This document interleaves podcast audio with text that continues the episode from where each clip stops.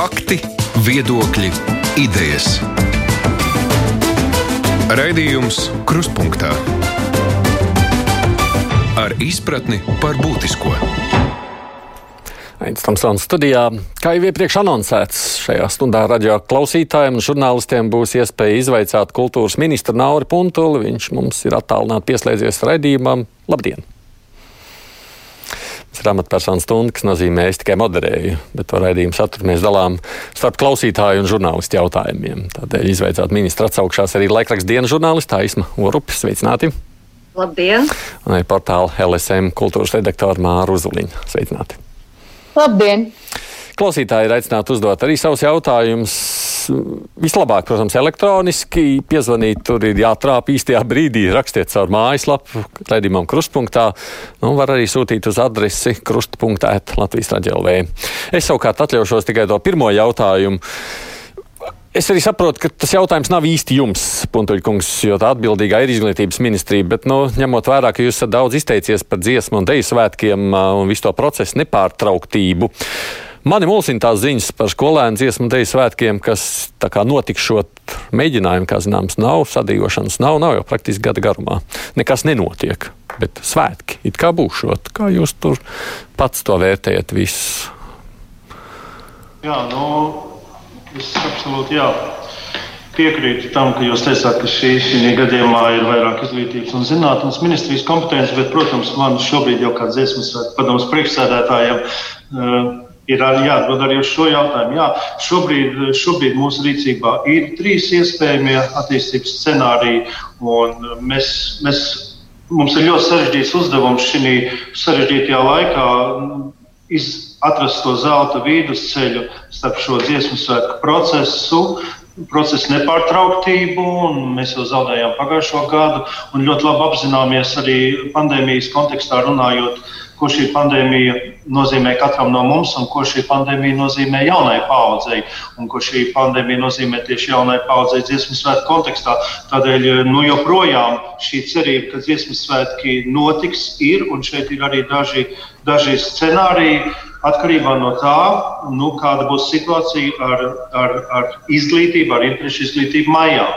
Un, ja, un no tā arī ir izriet attiecīgi šie visi scenāriji. Nu, viens no tiem ir, ka dziesmu svētki būs jūnijā, jūlijā, ja izglītība tiek atļauta maijā, otrs augusts, oktobris.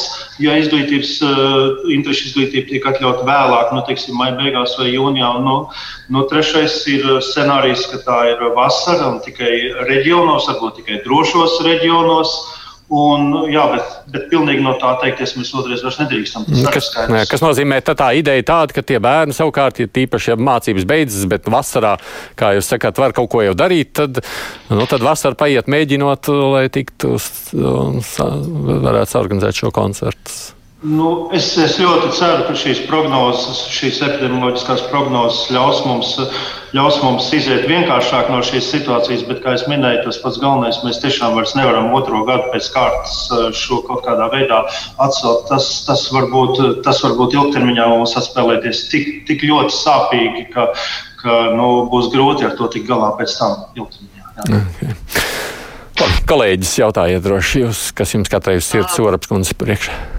Um, jā, uh, varbūt arī mazliet papildinot, uh, saimas atbildīgajā komisijā gāja diezgan uh, polarizēti strīdi par uh, šiem te dziesmu svētkiem. Un, um, uh, no vienas puses bija pašvaldību šie cilvēki un uh, arī Iveta Ratinī, kā, kas vada Rīgas domas kultūras, uh, jaunatnes un sporta komisiju, izteicās, ka pēdējais laiks, kad vajadzētu kaut ko zināt, ir nu, aprīlis, nevis maijs, lai tad Rīga, kas tomēr ir viena no tām centrālajām vietām, zinātu, vai gatavoties vai negatavoties. Uh, Protams, varbūt jums arī ir kāda informācija šobrīd, kad tad varētu sasniegt šī informācija pašvaldības, lai viņi zinātu, kā rīkoties ēdināšanu vispārējais. Un otrs jautājums ir, kas ir saistīts par meža parka estrādi.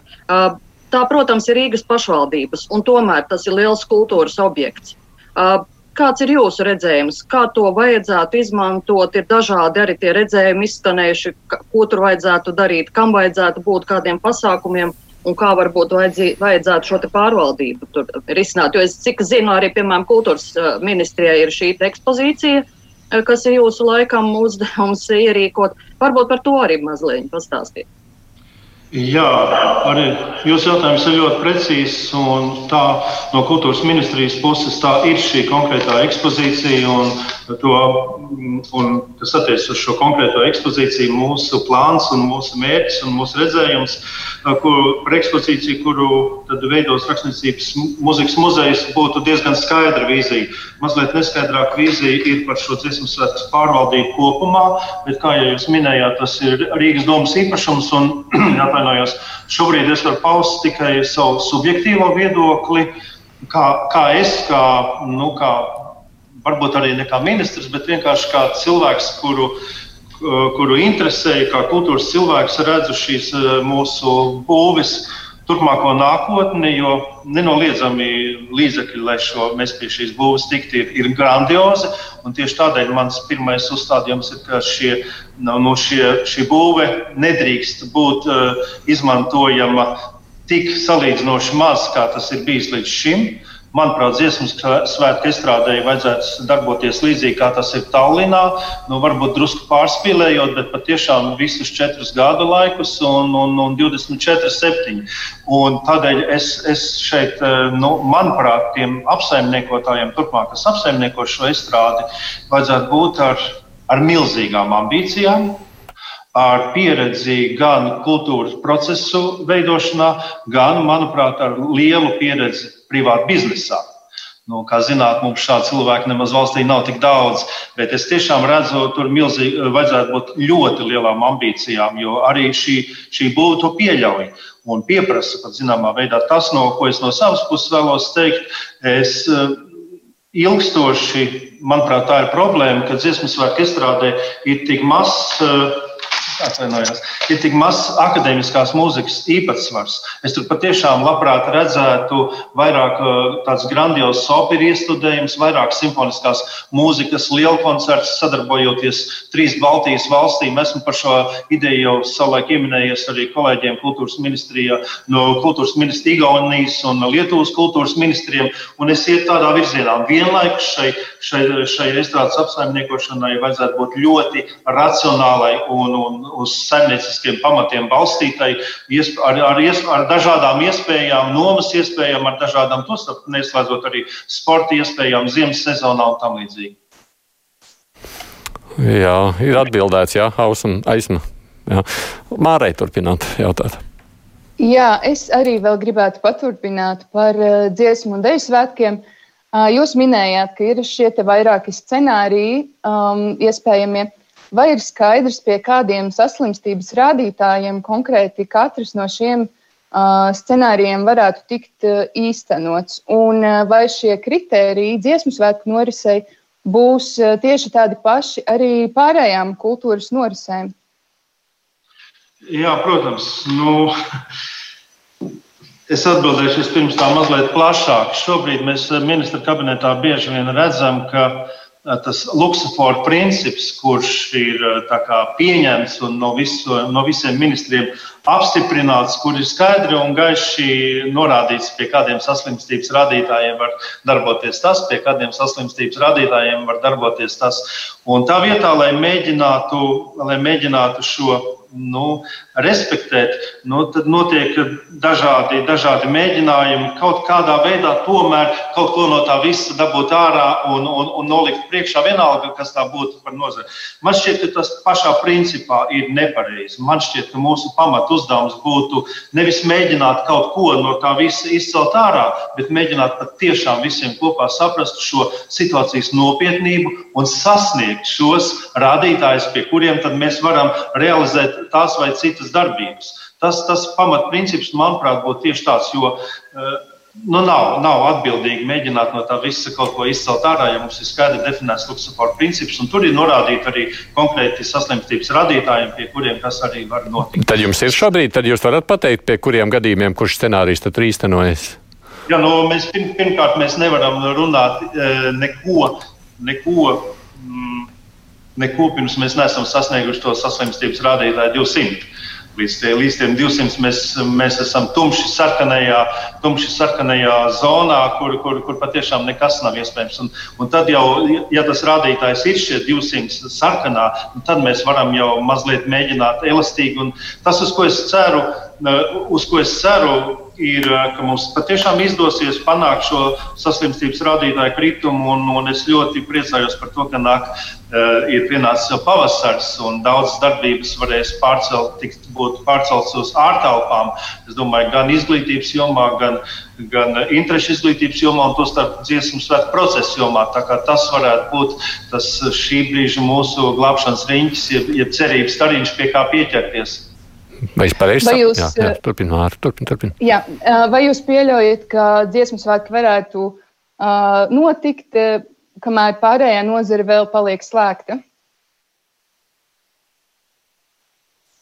Nu, šie, kā jau es minēju, es esmu tieši pret šo, ka mēs varētu kaut ko no kaut kā izcelt. Viss tas ir, manuprāt, tas jāskatās ir kontekstā ar saslimstības rādītājiem, un šis Luksusforda princips, kurš ir izveidots, tas arī ir jāievēro.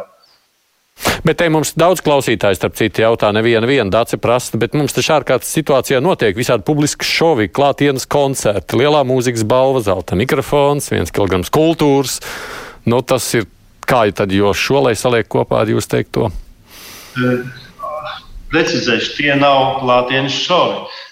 Precizēšu, tie ir, tie ir masu mēdīji, šī gadījumā televīzijas raidījumi. Un arī jūs, Tomson, kungs, šobrīd nesat pārtraucis darbu un nestrādājat attālināti, bet esat radio studijā. Un tieši tāpat arī televīzijas studijā notiek šie pasākumi, kur tiek, kuri, kuriem visiem ir sanitārie protokoli un kur visi eh, notiek saskaņā ar šiem, ar šiem sanitāriem protokoliem, kā piemēram arī arī nu, pēdējie divi pasākumi, Lielā mūzikas balva un vakardienas zelta mikrofona ceremonija. Protams, es eh, pirms es ierados šajos pasākumos, es pirms abiem pasākumiem veicu analīzes un, un, un apstiprināju, ka mani uh, analīžu rezultāti ir negatīvi, un tikai tad es varēju doties uz, uz šo pasākumu. Tas notika ar pilnīgi visiem šī pasākuma dalībniekiem. Uh, pasākuma dalībnieki, piemēram, vakar visi. Atrada, bija telpās maskās, un tikai to vienu īso brīdi, tās dažas minūtes, kas ir zem 15 minūtēm, saņemot balvu, un, ja izpildot uh, skaņdarbus, skatos, bija bez maskām. Uh, nu, tie, tie, tās prasības tika ļoti rūpīgi pieskatīts un ievērots. Ja es saprotu, ja tas jautājums ir mazliet precīzākā kontekstā ar, ar, ar šiem pasākumiem, es teiktu, jā, šo pasākumu ir bijis daudz, un arī šīs varbūt normu ievērošanas uh, Eh, kaut kādā veidā vienā un otrā pasākumā ir bijušas drusku atšķirīgas, un tā atšķirība, protams, skatītājiem ir bijusi manāma. Tad šeit es runātu noteikti par profesionalitāti. Jo profesionalitāte nozīmē ne tikai labi pārvaldīt savu uh, instrumentu, vai būt labam aktierim vai mūziķim. Profesionalitāte nozīmē arī uh, atrodoties publiskā telpā vai uz skatuves. Nu, savai savu profesionālo darbību neļaut ietekmēt emocijām. Un šeit ir diezgan skaidri, piedodiet man, bet diezgan skaidri nolasāms, ka tieši profesionālie kolektīvi ir profesionālāki bijuši arī šādā kontekstā, skatoties uz šīm apbalvošanas ceremonijām. Mm, jā, aizsmu. Jā, es vēlētos pajautāt par Nacionālo koncertu zāli. Nu, jūs esat viens no tiem cilvēkiem, kas noteikti to roku uz pulsa šajā jautājumā tur uh, ilgi jau un, un, un tā pamatīgi. Uh, šobrīd bija uh, šie te uh, pieteikumi, uh, ko apkopojas bija Arhitekta Savienība, manuprāt, vai 36 bija šīs te novietnes, ja, un, un tad tur bija tāds mazliet iepazīstināšana ar tām. Vai, vai ir saprotams, un uz ko mēs virzamies, un, vai jums pašam arī jau šajā sarakstā jau bija kādi, nu, no, kādas novietnes, tā sakot, kas, pievēr, kas jums liekas optimālas, lai tās attīstītu, lai varbūt varētu tur būt, protams, izvērtējot no dažādiem tiem kritērijiem. Kā jūs vērtējat šobrīd no šo procesu attiecībā uz koncertu zāli? Es nevēlētos sniegt savus komentārus par citām novietnēm, kamēr, šis, kamēr es neesmu saņēmis arhitektu savienības Eh, to uzdevumu izpildi, par kādu mēs esam vienojušies, uz kādu viņi ir piekrituši. Tātad, proti, tā ir nu, viena, divas, nu, maksimāli trīs vietas, ne 36, ne 9, ne 11. Tad, kad šīs uzdevums būs veikts, tad es būšu arī gatavs apspriest un salīdzināt šīs, šo vienu, jeb šīs divas vietas kontekstā vai salīdzinājumā ar Elizabetes ielu 2, par kuru joprojām ne mans viedoklis, ne valdības viedoklis nav mainījies. Es joprojām uzskatu, ka tā ir ļoti laba iespēja, ka tas ir ļoti labs kompromiss starp daudzajām iespējām, kas tiek piedāvātas no, no daudzām institūcijām, no daudzām personām. Ja, šim, ja šai izvēlei būs blakus vēl viena vai divas, un pat tās patiešām būs loģiskas, un ekonomiski un dažādi citādi argumentēts un pamatots, jā, es esmu atvērts diskusijai. Nav tā, ka kaut kas, būtu, kaut kas šī dzīvē būtu nemaināms, bet tiem patiešām būs jābūt ļoti, ļoti nopietniem argumentiem. Kamēr, kamēr mēs runājam šobrīd par tik daudz piedāvājumiem, 36 vai 9 vai kā, es, es tiešām šobrīd neņemtos analizēt nevienu, un es savu analīzi un savu vērtējumu un savu diskusiju veikšu tad, kad Arhitektu savienība šo uzdevumu būs paveikusi līdz galam. Vai ir zināms kaut kāds laika rāmis, kad tas varētu kļūt zināms? Jā, nu šī, šī laikam ir tā lieta, kur es neesmu bijis pietiekami stingrs. Laika rāmis bija, bija no manas puses marts. Nu, šobrīd tas izskatās jau aprīlis, bet es saprotu šī uzdevuma nopietnību. Esmu pateicīgs Arhitektu savienībai, ka viņi šo uzdevumu ir uzņēmusies, un tādēļ esmu laikam bijis pielaidīgs un atļāvis, lai šis laika rāmis ir aprīlis. Mm -hmm. uh, Māra. Laikmetīgā mākslas centra direktore Solvita Kresa intervijā Latvijas rādio ir norādījusi, ka viņai nav saprotams šī koncerta zāles prioritāte prioritizēšana, uh, lai gan, teiksim, laikmatīgās mākslas muzejam, kurš mums arī ir ārkārtīgi nepieciešams, ir jau izveidots konkrēts projekts, ir atrasta vieta, un uh, tagad būtu nepieciešams vienkārši piesaistīt šos finanšu līdzekļus. Cik es saprotu, ir sākušās sarunas starp Kultūras ministriju un Rīgas domu par šo finansējuma piesaisti. Vai jūs varētu komentēt šo situāciju?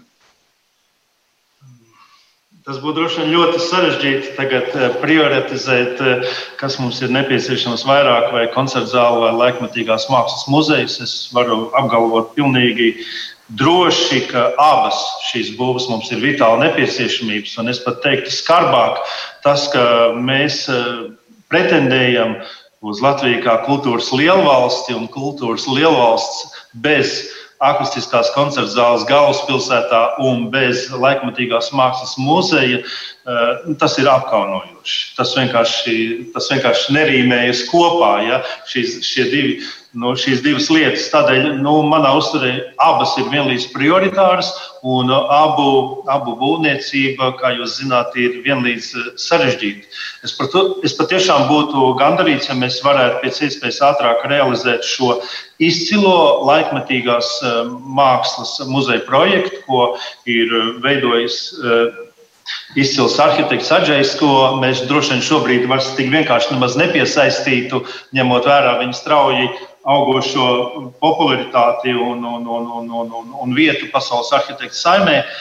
Patiešām tas būtu, jo ātrāk, jo labāk. Mums ir sarunas ar Rīgas domu par šo, un mēs, mēs, iesim, mēs meklēsim risinājumu, kā šo problēmu atrisināt. Vienlaikus es ne, nekādā veidā nevaru nolikt Piedodiet, pats būdams mūziķis, es nevaru nolikt malā jautājumu par akustisko koncertu zāli, kurš Rīgā tiek risināts kopš 1987. gada. Piedodiet, es to nekad nenolikšu malā. Mm. Bet vai nevajadzētu um, šos projektus vienkārši ņemot vērā to, ka laikmatīgās mākslas uh, muzeja projekts jau ir šik, uh, tik tālu attīstīts, uh, vai uh, vēl ko to garumā mēs atkal nepazaudējam uh, teiksim, to vietu, vai nenotiek atkal kaut kādas izmaiņas, kas to aizkavē, un uh, tad arī šis laikmatīgās mākslas muzejs, tā būvniecība ieilgst tikpat ilgi, kā mēs tagad uh, esam spiesti um, ņemties ar šo te, uh, koncertu zāles projektu. Ticiet man, es patiešām neko attiecībā uz jaunu būvniecību nevelku garumā. Varat droši man ticēt, es droši vien drīzāk uh, saņemu pārmetumus par ļoti lielu steidzināšanu.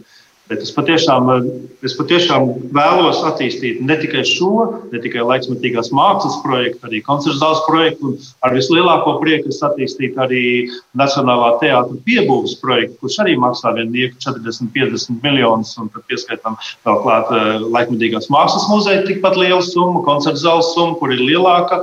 Un, nu, saprotiet, ja šī mirklī runāt par vilkšanu garumā, tas tik vienkāršot mēs arī nevaram uz šo skatīties. Es patiešām esmu, esmu daudzkārt jau runājis par šo ar Rīgas domu, un, un tikai sadarbībā ar Rīgas domu mēs šo varam atrisināt. Šīs visas, šīs visas lielās būvas, kas, kas tiešām prasa, kā jau minēju, milzīgas ieguldījumus. Par Covid lietām runājot, Ulas atgādina vispārējo lietu. Saka, tā Covid pandēmija mums izgaismoja to sen zināmo kailo patiesību, ka radošo jomu pārstāvji strādā nodokļu režīmā, kas tos padara sociāli neaizsargātus pret satricinājumiem. Arī vecumdienas līdz ar to sanāk uz nabadzības robežas. Kā tad jūs, ministrija, tagad reaģē un ko jūs darāt eh, risinājumu meklēšanā, kādā virzienā strādājat? Nu, šī ir mazliet sena tēma, šī tēma, par kuru, par kuru tika celtas uh, aizsprieduma sienas eh, Doma laukumā. Un, kā jau es minēju, tā, tas lielākais ieguvums, eh, ko mēs esam panākuši sadarbībā ar, ir ar Finanšu ministriju, proti, šis ir tas saimnieciskās darbības konts ar 25% nodokļu likmi, no kuriem 80% aiziet tieši šīs personas sociālajā nodrošināšanā. Es domāju, tā ir tā mūsu lielākā uzvara. Šis eh, mehānisms, jeb šis modelis ir tieši tas, ko visa nozare ir ilgstoši vēlējusies panākt. Un eh, varbūt vēl pirms gada kad mēs ar, ar, ar, ar pasākumu producentu padomu runājām, ka tas nu gan būtu labi, ja mēs līdz kaut kam tādam varētu tikt. Tas vēl likās kā tāds tāls sapnis, tad šobrīd tā jau ir realitāte. Un, ja ne gluži ar 1. jūliju, tad ar 21. Eh, gada 1. jūliju, tad ar 22. gada 1. janvāru pilnīgi noteikti šis mehānisms būs. Un tas arī atrisinās šo jautājumu par sociālo, sociālajām garantijām tieši radošajā nozarē. Mm. Labi, kolēģi, jautājiet, tie kolēģis aizsma. Uh, jā, nu, man, es mazliet vēl paturpināšu, kā saka, nekustamo īpašumu būvniecības tēmu. Uh, attiecībā uz Brīvdabas muzeju savulaik arī diezgan daudz kaislību raisījās, kas tur notiek un, un kā tur tas krājums tiek uz, uzskaitīts vai neuzskaitīts, vai tur ir pazudis, nav pazudis. Šobrīd tur ir uh, jauns vadītājs, konkrētāk vadītāja, kuru kā kultūras ministrija atzinusi, nu, viņas darbs vērtējums šobrīd ir labi. Vai tas um, uh, ir, ir pietiekams pamats mums cerēt, ka šis te objekts iegūs jaunu elpu, jo savulaik, tad, kad mēs te vasarā ciemojāmies, un to, tur bija uh, tobrīd uh, Arnis Radiņš, kā pagaidu vadītājs, nu, viņš to ainu iezīmēja diezgan neno sevišķi košu un, un vēl tie diezgan skarbus un kritiskus vārdus. Kā jums, kā ministram, šobrīd ir tā cerība, ticība, ka nu, šīs brīvdabas muzejs nu, mums, kā saka, mazliet kā fēniks no pelniem uh, izlidos. Es esmu, es esmu pārliecināts, ka tas būs. Jo līdzinājā ķergaulas kundzes darbība, gan strādājot Rīgas domē, gan arī, gan arī šie pirmie mēneši strādājot uh, Brīvdabas muzejā, liecina par to, ka tas, ka tas notiks. Liela problēma Brīvdabas muzejā bija tieši šī nu, šis eh, mikroklimats, šis personāla jautājums, kas tur patiešām bija sasāpējis, jo, jo nu, tas ļoti spilgts piemērs bija muzeja darbinieka neapmierinātības vēstule ar Radiņa kunga darbību, kurš kādu brīdi tur darbojās. No, Es domāju, jā, jūs, jūs, jūs smejaties, bet tieši tādēļ, ka jūs zināt, ka, lai nu ko, bet Radiņa kunga kompetences apšaubīt, nu, nu, tā ir jābūt lielai lielai drosmei, ja, un jeb, jeb kaut kam citam. Ja. Un tā kā ja, ja līdz tam nonāca, ka patiešām radiņ, arī Radiņa kunga darbība tika apšaubīta, tur tas nozīmē, ka kaut kas tur ar šo iekšējo mikroklimatu nav īsti labi. Un, eh, tādēļ es esmu gandarīts, ka kopš ķergājas kundzes stāšanās amatā man nav bijusi vairs neviena sūdzība no etnogrāfiskā brīvdabas muzeja tieši kā uh, personāla jautājumos vai kā tam līdzīgi. Un tieši arī ķergājas kundzes pieredze Rīgas domē šādu. Nu, Varbūt arī tādu saimniecisku jautājumu risināšanā man dod patiešām pamatotu ticību, ka arī ar Brīvdabas muzeju viss būs kārtībā un kā cita investējot, jūs tas tiešām kā Fēniks no pelniem varētu atkal pacelties. Vai tur kaut kas arī šo, šogad būvniecībai ir atvēlēts? Es zinu, ka viņš toreiz arī diezgan kritiskus vārdus veltīja kaut vai šī ieejas mezgla sakārtošanai. Viņš teica, ka nu, tas būtu ļoti būtiski vismaz, kā saka, kā, kā teātrī garderobe, tā arī šim, šim te muzejam šis te ieejas mezgls tiktu sakārtots. Jā, protams, var kļūdīties šobrīd no galvas nosaucot summu, bet, bet, bet diezgan zelīta summa tieši brīvdabas muzejam tika atvēlēta arī, ja mēs runājam, finansiālā izteiksmē šī gada budžetā. Es tikai atgādināšu klausītājiem un skatītājiem, tātad mums ir saruna kultūras ministra Naura Puntula, šī ir amatpersonu stunda, tātad iespēja žurnālistiem un klausītājiem, tas ir radioklausītājiem tiešraidē izveicāt ministra Māru Zuliņu no LSM un Aismorup no laikrakstdiena arī tāks izjautā. Raidījums Krustpunktā. Es atkārtošu droši vien vēstulīti, kur Inga man liekas ir rakstījusi man jau divas reizes, bet man šķiet, viņa tāda pat vien nāk. Tieši gadu tagad man ir aizliegts strādāt, es biju deju nodarbību vadītāji, un es tieši gadu nesaņemu ne santīmu no valsts. Es rakstīju uz kultūras ministriju, kur saņēmu atbildi, jā, cauri sietam daļa cilvēku izkrīt un domāsim risinājumu. Lūdzu, nelaidiet prom ministru, saka Inga, kamēr viņš man neatbild. Kā tad mums, kas esam samaksājuši gada licenci, nomaksājuši nodokļus no katra centa, tas ir mikrouzņēmuma nodokļi, kā man šodien dzīvot šiem caurkritējai? Es jau domāju, varbūt iet uz Eiropas tiesu tiesāties, ka mums nenodrošina līdzvērtīgs noteikums saviem iedzīvotājiem. Tā ir Ingas vēstulīte, ko jūs sacīsiet. Labi, sākšu droši vien ar šo filozofisko sadaļu par šo profesijas aizliegumu. Uh, droši vien, ka šis ir laiks, kurā, kurā aizliegumi ir mums visiem. Un mēs droši vien, es pat nezinu, kam mēs varētu sūdzēties, jo mums šobrīd ir atņemts eh, ne tikai aizliegums strādāt savā profesijā, mums patiesībā ir atņemts pats dārgākais - mūsu brīvība. Un, ja kāda cilvēka notiesā par kādu noziegumu, tad viņu sola, viņu soda, nu, mēs tā sakām, tautas valodā viņi ieliek cietumā, bet patiesībā juridiski tas skan soda ar brīvības atņemšanu. Un šobrīd mums visiem, te visai valstī, katram individam, individam no mums ir atņemta mūsu brīvība. Un es patiešām nezinu, kā mēs šo Covid varam iesūdzēt un kam mēs to varam iesūdzēt. Tas tā filozofiski skatoties. Bet, ja mēs runājam par šo jautājumu praktisku atbildi, jā, patiešām šis universālais mehānisms, kāds tika radīts, lai atbalstītu jebkuru pilsoni valstī, kurš ir maksājis vai pat nav tik daudz maksājis nodokļus, šis universālais mehānisms, jeb šis ciets, dažus atsijāja Un to mēs eh, konstatējām šīs pandēmijas viņa pirmajā periodā. Lai otrajā periodā tas tā nebūtu, mēs paralēli valsts universālajiem atbalsta mehānismiem, kuri darbojas, manuprāt, labi, jebkurā gadījumā esam radījuši arī kultūras ministrijā savus atbalsta mehānismus. Un uzsveršu, ka kultūras ministrija ir vienīgā ministrija, kurai paralēli valsts universālajiem atbalsta mehānismiem ir savi atbalsta mehānismi, un kopskaitā to ir pieci. Tos varētu iedalīt eh, nosacīti divās daļās. Vieni šie mehānismi, kas ir, eh, var tā izteikties, domāti izdzīvošanai, jeb pārzīmošanai, un otri mehānismi, kas ir jau kultūras nākotnē.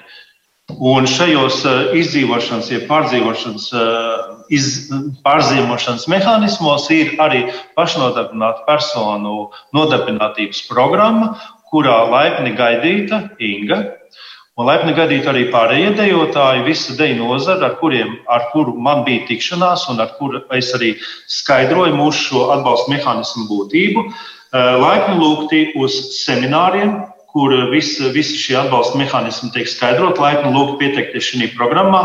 Ja nemaldos, vēl ir gan palikušas tikai divas dienas, kurā var pieteikties šī pašnodarbināto personu nodarbinātības programma, kur tieši ir radīta tiem, kultūras darbiniekiem, kuri ir devuši savu ieguldījumu kultūras jomā, un vienu vai otru vai trešo iemeslu dēļ nav kvalificējusies valsts universālajiem atbalsta mehānismiem. Tas tā kā izklausās, ka kaut kāda informācija līdz atsevišķiem cilvēkiem tā tad nav nonākusi. Tā varētu būt.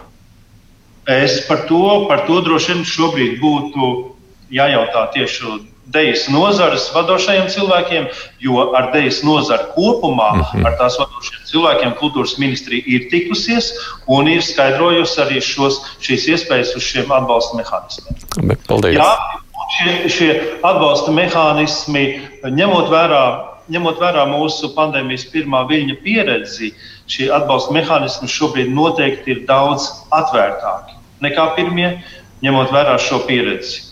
Tā kā es nedomāju, ka būtu kāds eh, kultūras darbinieks, kurš patiešām ir devis savu ieguldījumu eh, kultūras jomā, varētu nekvalificēties šīm konkrētajām atbalsta mehānismam. Okay. Labi, Māra. Uh, valsts kontrole savā revīzijā ir secinājusi, ka mm, aizvadītajā gadā Covid-19 radītās situācijas stabilizēšanai piešķirto līdzekļu sadale starp kultūras ministrijas pāraudzībā esošajām valsts kapitāla sabiedrībām nav veikta pēc skaidriem un izsakojamiem principiem. Vai ir skaidrs, pēc kādiem principiem šogad tiks sadalīts šis finansējums, un vai ir kādas prognozes ar cik lielu finansējumu apjomu iestādes var šogad rēķināties un um, kad to saņemt? Jā.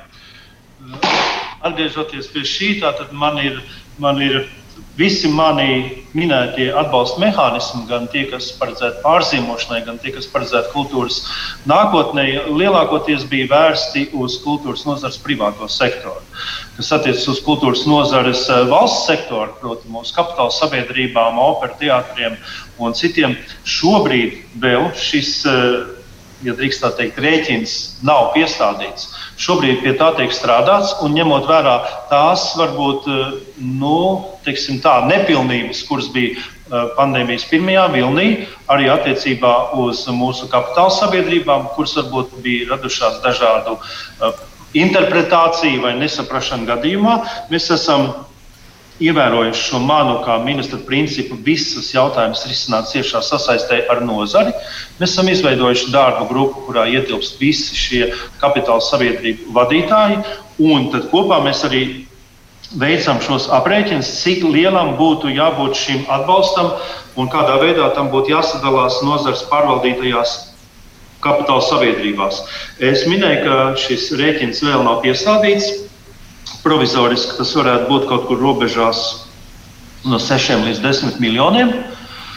Tikko būs e, aprēķini skaidri, aprīlī, mēs ar šo, ar šo skaitli vērsīsimies arī finanšu ministra darba grupā, pēc tam attiecīgi arī valdībā, esmu pārliecināts, ka saņemsim valdības, valdības atbalstu arī šim. Tātad, e, tātad pieplūst plusojot klāt šo jau esošajiem 15 miljoniem, kurš šobrīd ir pieejami kultūras eh, nozars eh, privātajam sektoram, tas jau būs 25 miljoni, kas jau šobrīd ir zināms pārsniegs pagājušā gada 20 miljonus atbalsta mehānismus. Mm -hmm. Labi. Vēl kolēģis, jautāsiet kaut ko? Jā, man būtu jautājums. Vakar tieši bija mūsu dižās dzēnieces Aspāzijas dzimšanas diena, un Te man raisās vienkārši kādas domas, noteikti jūs arī sakojāt līdzi šai diskusijai par Aspāzijas pieminekli. Nu, tas arī tā kā mazliet vairāk ir akmens pašvaldību dārziņā, un tomēr vai arī kultūras ministrijai nevajadzētu roku paturēt uz pulsa šajā jomā, kā mums tiek šie mūsu ievērojamie cilvēki iemūžināti tēlos un dažādos pieminekļos, kāda ir ir šī programma, jo brīžiem liekas tā tīri stihiski. Mēs zinām, ka nesen Jūrmalā tika atklāts Aspāzijai piemineklis, nu tagad tūlīt pat arī Rīgā mēs meklēsim, nu, nu tad vēl kādā citā vietā, vai, vai ir kaut kā tomēr um, pārdomātāka programma um, uh, vajadzīga, kas, kas, kas tomēr no, rādītu ar tādu cieņ, cieņ, cieņpilnu, nevis stihisku attieksmi pret mūsu ievērojumiem cilvēkiem. Jā, paldies. Atbild stihisku attieksmi.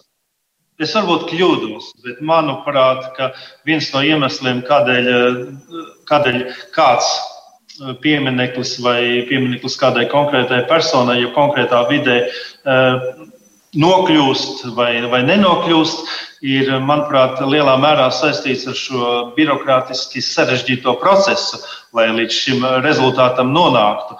Un tad, attiecīgi, kurā no šiem procesiem kāds ir bijis veiksmīgāks šī procesa turētājs, ja ar lielāku gribu ir gribējis šo procesu īstenot, tad bieži vien no tā radās rezultāts. Un tas rezultāts varbūt ir citreiz apsteidzošs un citreiz kavējošs.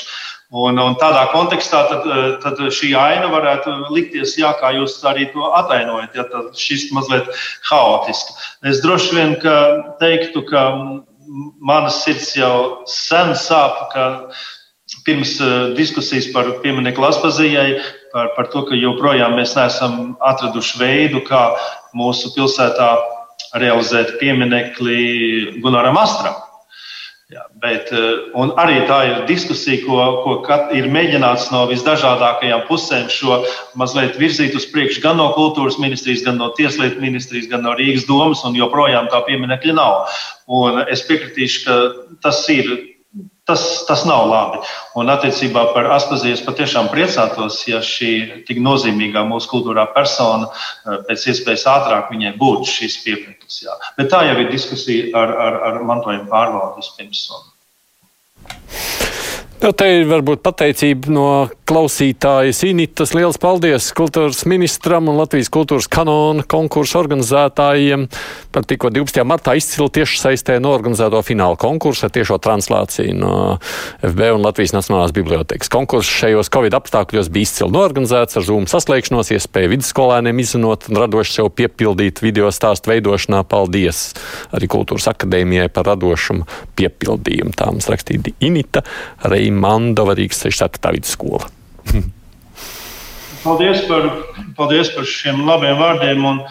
Man jāsaka, es godīgi biju mazliet eh, pārsteigts par šo jauniešu interesi par kultūras kanonu, par viņu iesaisti, jo dažbrīd eh, mūsu straujajā dzīves tempā kurš jaunai paudzei ir vēl straujāks nekā varbūt manai paudzei. Eh, dažbrīd rodas iespējas, ka mūs interesē viss tas, kas būs, un mazāk interesē viss tas, kas ir bijis. Tā kā, tā kā es biju ļoti, ļoti patīkami pārsteigts par šo jauniešu interesi, par jauniešu iniciatīvu un par tiem labajiem rezultātiem šajā konkursā. Paldies savukārt no manas puses visiem jauniešiem! Mm. Māra. Es gribētu vēl šajā sakarā, ja mēs iesākām runāt par jauniešiem, uh, Gan mākslas augstskolas, gan kultūra izglītības iestādes šobrīd strādā attālināti. Kas tiek darīts jau tagad, un kādus risinājumus jūs redzat turpmāk, lai nozare pēc šīs pandēmijas nepiedzīvotu tādu uh, profesionālitātes kritumu?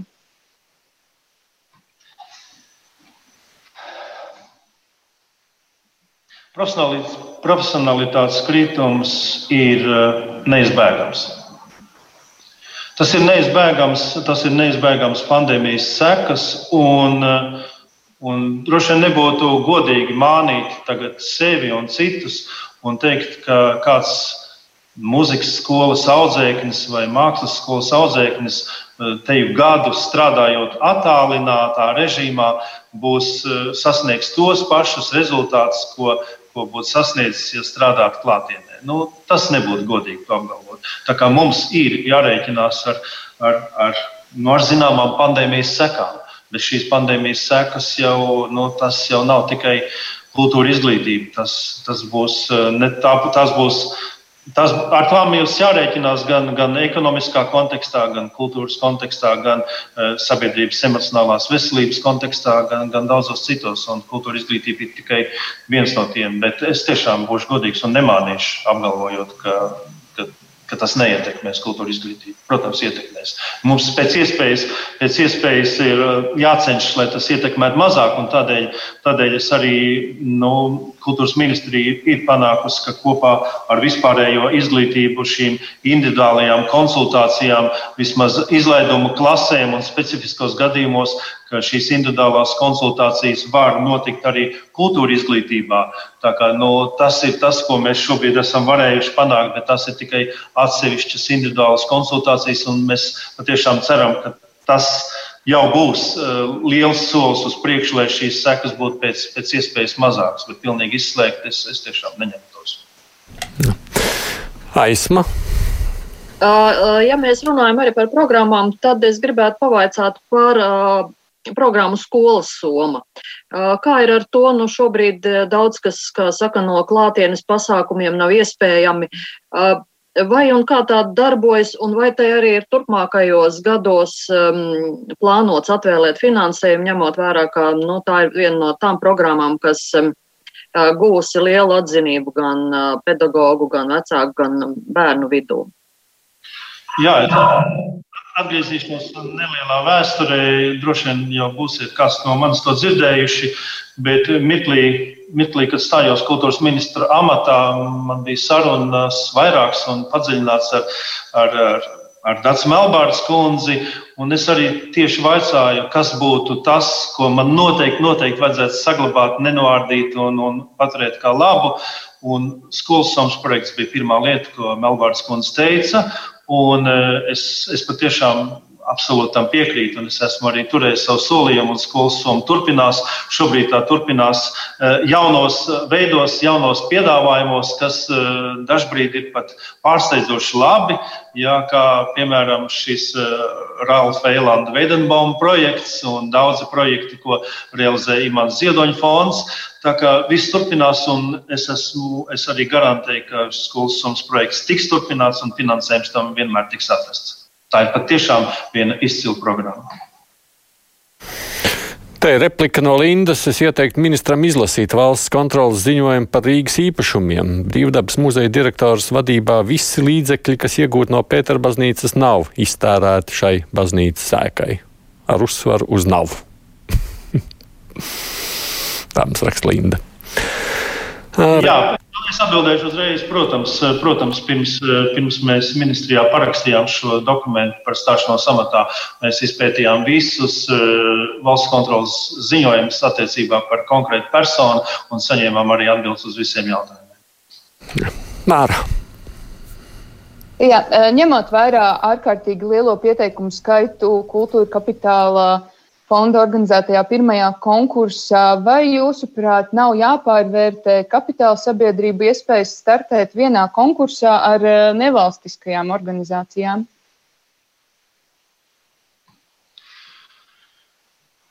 Sarežģīts jautājums.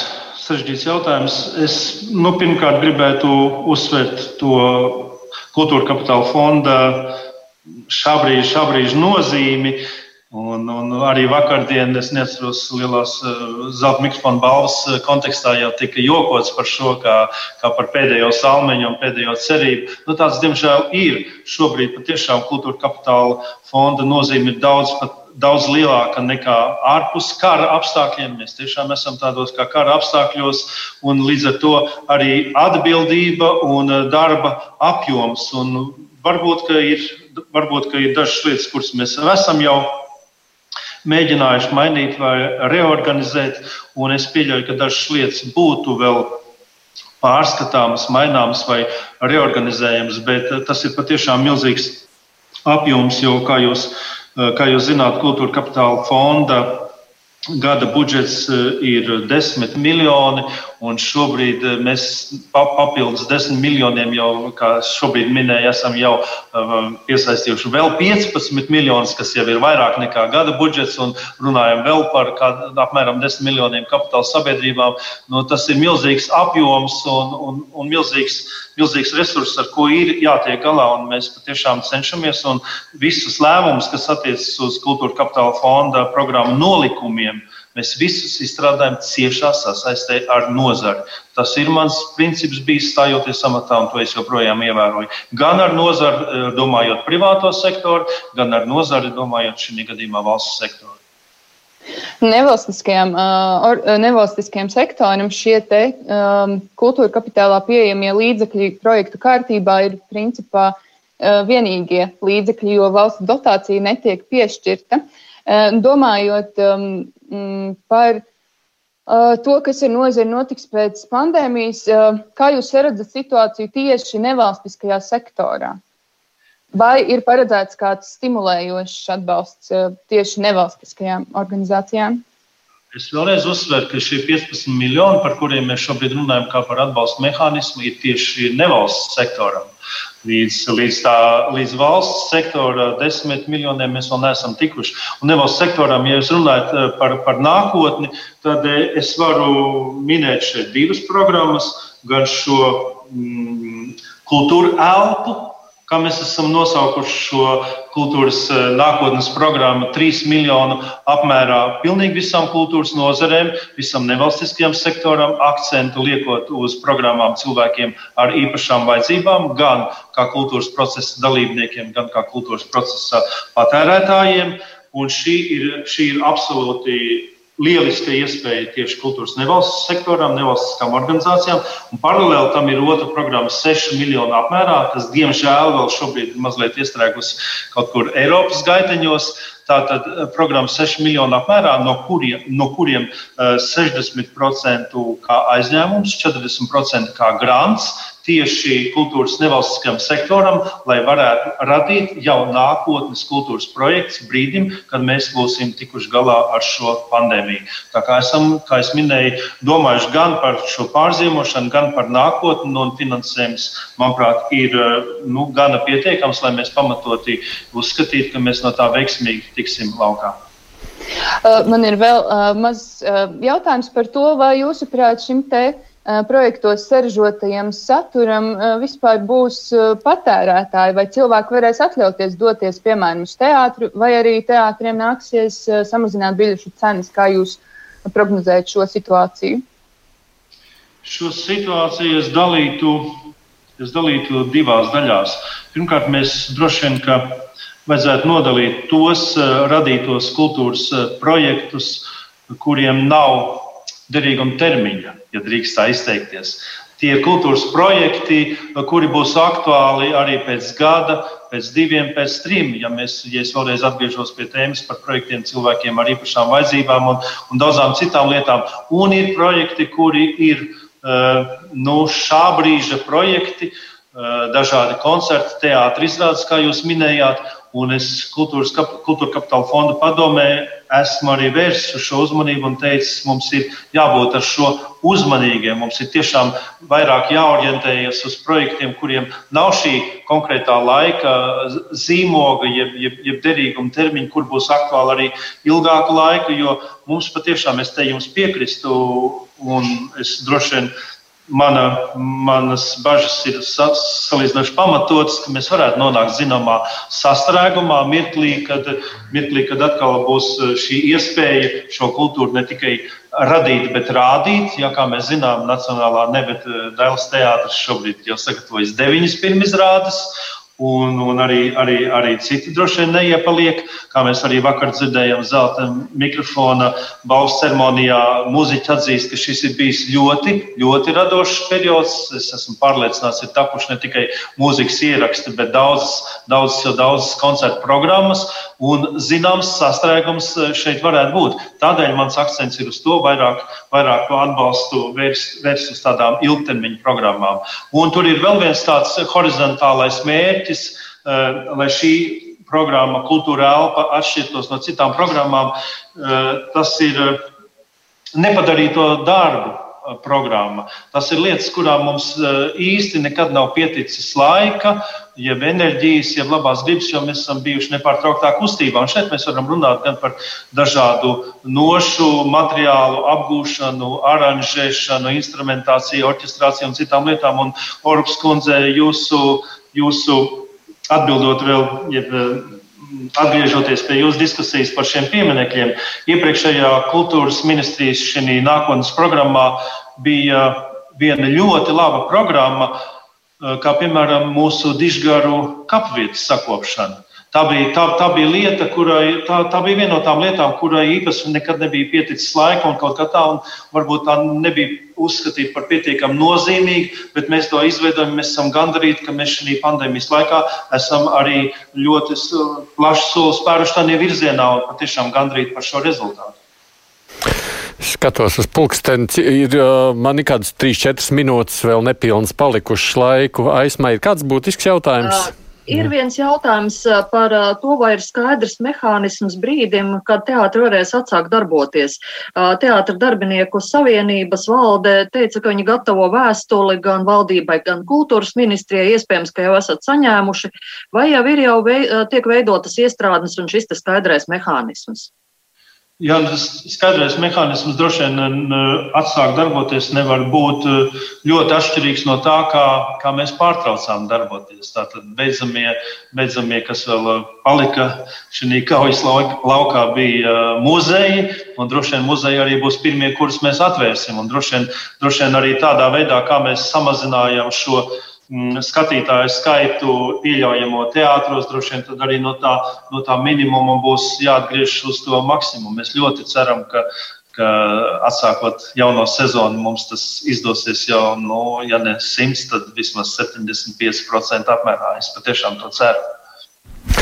Es beigās. Es iedrīkst, jā, jā, iedrīkst, uh, gribētu uzdot vēl uh, pēdējo jautājumu par sabiedrisko elektronisko plašsaziņu līdzekļu padomi. Uh, Vai piekrītat prezidentam, ka atalgojums ir iemesls, kāpēc saimas izsludinātajā konkursā nepieteicās neviens kandidāts, un vai jūs uzskatāt, ka, šā, ka šie kandidāti ir jāmeklē konkursā un ka konkurss spēs uzrunāt vajadzīgā līmeņa profesionāļus? Tas pats jautājums es būtu jautājis. Sakiet. Nu, jautājums ir, kādu atbildi jūs no manis vēlaties dzirdēt? Ko domājat par to? Godīgu. ja godīgi un subjektīvu, es nedomāju, ka tas ir, ka tas ir vienīgais iemesls. Protams ka, protams, ka tas ir iemesls, un salīdzinoši, ja mēs salīdzinām ar, ar uzņēmumu valdēm un, un šo atbildības, atbildības nu, šo nastu, tad, protams, tas atalgojums ir pamazs. Par to nav diskusija. Bet es nebūtu tik drošs, ka šis atalgojums ir vienīgais iemesls, kādēļ kādēļ uh, cilvēks salīdzinoši maz, ja, kā mēs zinām, nepiesakās vispār. Droši vien, ka šie iemesli būtu daudz dziļāki. Un par to, kādēļ tie iemesli tādi ir, es domāju, ka tā, būtu, tā varētu būt vesela redzējuma diskusija. Tas nu, ir būtu nu, pr Proti, jūs teikt, ka tas ir jautājums par. Nu, ne, ne prestižu, bet nu, to, to, to priekšstatu, kāds šobrīd ir izveidojies par to, kas, ko dara Nē, es drīzāk domāju par to atbildību. Atbildība, ka pār, pārāk liela, ko nav gatavi cilvēku uzņemties. Es domāju, ka tā atbildība ir pārāk liela, un, un mēs zinām ļoti labi, nu, šobrīd, nu, labi, teikšu jau pavisam skaidri un atklāti. Sabiedrība šobrīd zināmā mērā polarizējas, polarizējas eh, dažādu ideoloģisku apsvērumu dēļ, un ir pilnīgi skaidrs, ka šim šai personai būs jābūt eh, vienlīdz, eh, vienlīdz eh, labai, vienlīdz kompetentai šajos abos virzienos, kuros sabiedrība polarizējas. Tā ir milzīga atbildība jebkuram cilvēkam. Tas ir milzīgs izaicinājums, ar kuru tikt galā. Nu, tur ir vajadzīga ļoti, ļoti spēcīga persona. Okay. Un, Sapratām. Paldies, kultūras ministrs Nauris Puntulis un divas mans kolēģis Māra Uzuliņa no LSM kultūras redaktora un no laikraksta Dienā Ismūrupa. Paldies jums tiešām par iesaistīšanos. Raidījums līdz ar to šodien kruspunktā izskan. Producents šajā nedēļā ir Anita Brauna, studijā bija es, Aidis Tomsons.